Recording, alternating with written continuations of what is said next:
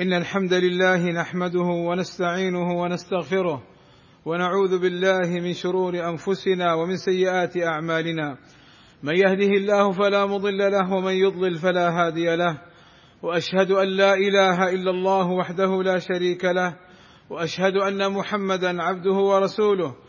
يا أيها الذين آمنوا اتقوا الله حق تقاته ولا تموتن إلا وأنتم مسلمون.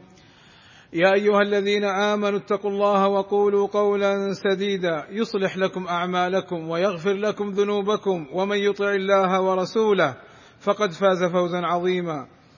إن أصدق الكلام كلام الله وخير الهدى هدى محمد صلى الله عليه وسلم وشر الأمور محدثاتها وكل محدثة بدعة وكل بدعة ضلالة وكل ضلالة في النار. أما بعد فشهر رمضان موسم عظيم للتوبة وللعمل الصالح قال صلى الله عليه وسلم.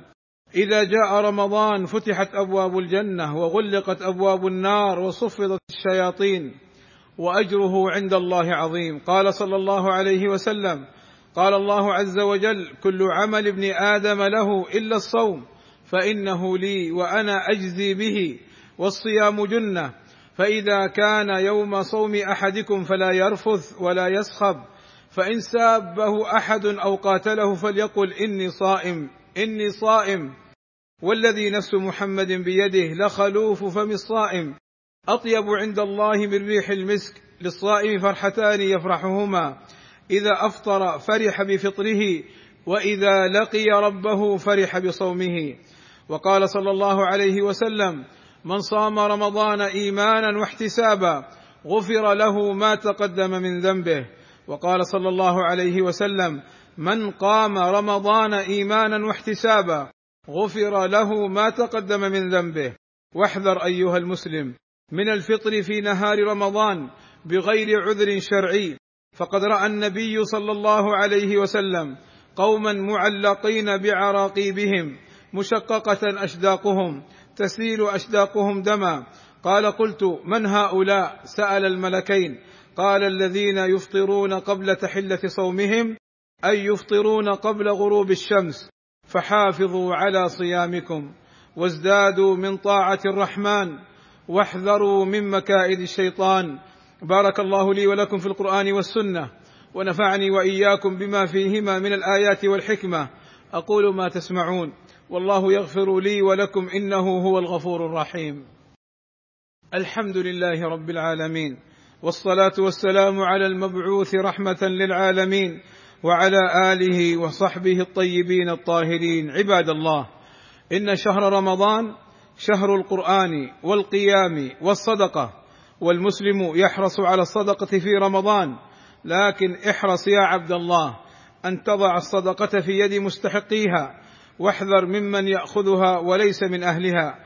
قال رسول الله صلى الله عليه وسلم من سأل الناس تكثرا يعني طلب منهم المال ليتكثر من المال فإنما يسأل جمرا فليستقل أو ليستكثر.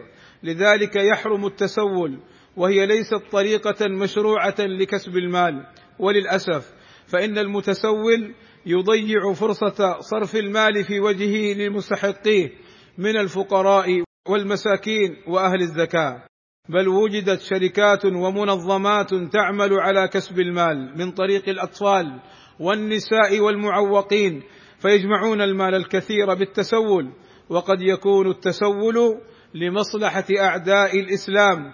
فاحرص يا عبد الله على إعطائها لمستحقيها والدولة وفقها الله منعا للتلاعب بالصدقات.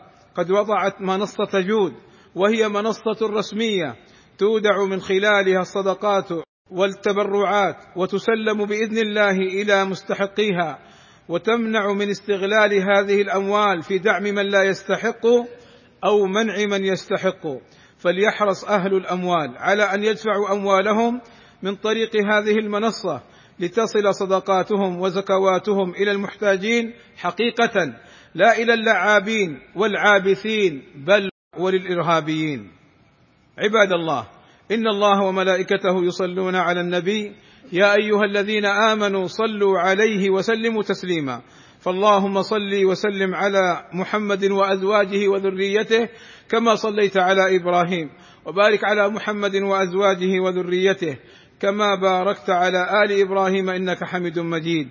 وارض اللهم عن الخلفاء الراشدين أبي بكر وعمر وعثمان وعلي وعن جميع أصحاب رسول الله صلى الله عليه وسلم. والتابعين لهم بإحسان وعنا معهم بمنك وكرمك. اللهم آتنا في الدنيا حسنة وفي الآخرة حسنة وقنا عذاب النار. اللهم فرج همومنا واكشف كروبنا ويسر أمورنا. اللهم اغفر للمسلمين والمسلمات والمؤمنين والمؤمنات الأحياء منهم والأموات.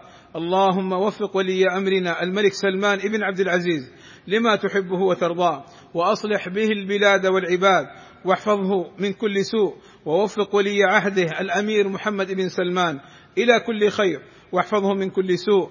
اللهم أيدهما بتأييدك ووفقهما بتوفيقك وأعز بهما الإسلام والمسلمين والحمد لله رب العالمين والصلاة والسلام على المبعوث رحمة للعالمين.